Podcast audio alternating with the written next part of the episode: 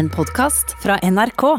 Før i tida, på slutten av 1800-tallet og i begynnelsen av 1900-tallet, så drev en med kurbad og isbading både i Norge og i Europa for å forebygge og kurere sykdommer.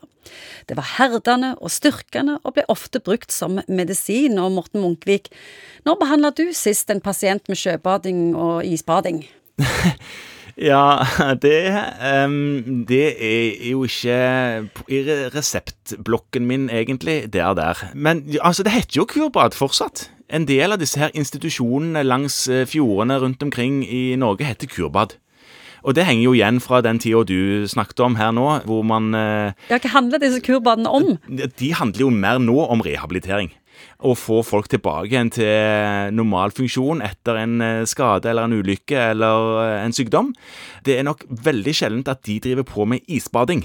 Selv om det er jo rapporter som viser at det er gunstige effekter på sirkulasjonssystemet med isbading, og at det er relativt ufarlig hvis en ikke er hjerte-karsyk. Men det med det motsatte, det med varmebad og gjørmebad og den typen ting, har jo vist å være gunstig for raumatikere revmatikere, f.eks. Dette ble brukt veldig mye før, at syke mennesker eh, kunne ha mange ukers opphold ved kurbad langs kysten av Norge. Skjer dette ennå? Ja, det gjør det, eh, på rehabiliteringssiden av det. Og så heter det kurbad. Det tror jeg er litt sånn av historiske grunner, for hvis du bare søker kurbad, så dukker det opp alskens sånne rehabiliteringssentre, ofte litt sånn i grisgrendte strøk inne i fjordene et eller annet sted. Hva feiler det meg da, hvis jeg har havna på et kurbad? Ja, for eksempel så kan det være at du har hatt et slag og skal ha en opptrening etter det. Det kan være at du har vært i en ulykke og har eh, hofte, f.eks problematikk om å lære å gå igjen.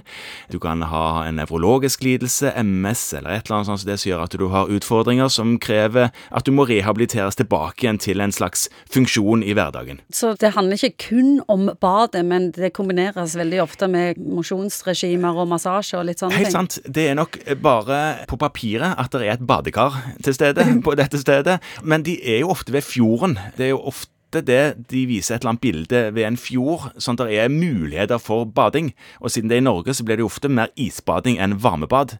Men hvis du har hudproblemer, f.eks., så er det jo en del kurbad som Norge kjøper plass på i utlandet.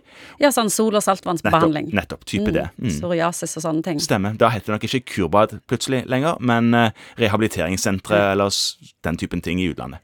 Eh, har du brukt noen form for bad for å holde kroppen ved like? Personlig? Ja. Eh, nei, eh, men jeg har jo blitt lokka med på sånne spa-greier hvor man blir senka ned i en eller annen form for væske i en, i en eller badekar. Gjørme, eller Ja, et eller annet sånn med noe urteluktgreier, og det skal være behagelig. Og det er klart det er behagelig, men jeg er usikker på hvor, hvor mye behandla jeg ble av det. Men det det altså, tender love and care er òg en form for behandling. Ja. Mm. men eh, burde vi andre ta oss en liten dukkert i sjøen for å få restarta systemet, eller er det bare for syke? Nei, det er en herlig aktivitet å få eh, trykka inn Resett-knappen i et kaldt morgenbad, f.eks. Mm. Du har hørt en podkast fra NRK. Hør flere podkaster og din NRK-kanal i appen NRK Radio.